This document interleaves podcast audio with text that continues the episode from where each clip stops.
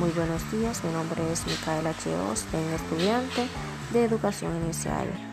Hoy le estaré hablando qué está creciendo en el cerebro de un niño. Vemos dos partes importantes como la corteza visual y el cerebelo. Cuando un niño nace, no puede ver muy bien. Su visión es bastante borrosa.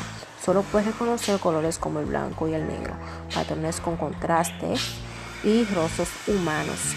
Durante sus primeros seis meses, las células cerebrales se manifiestan para su formación visual.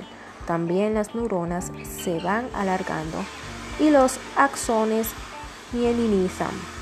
Por consiguiente, llegarán a ver las cosas más con claridad de los tres meses y a los seis meses. La rapidez mejora, les brinda la percepción, profundidad y el enfoque.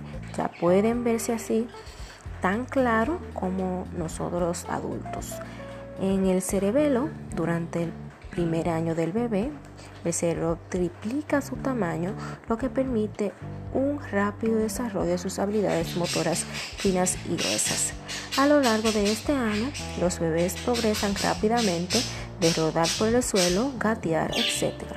Y luego dar sus primeros pasos. Se les debe permitir contar con espacio y el tiempo para practicar sus nuevas habilidades.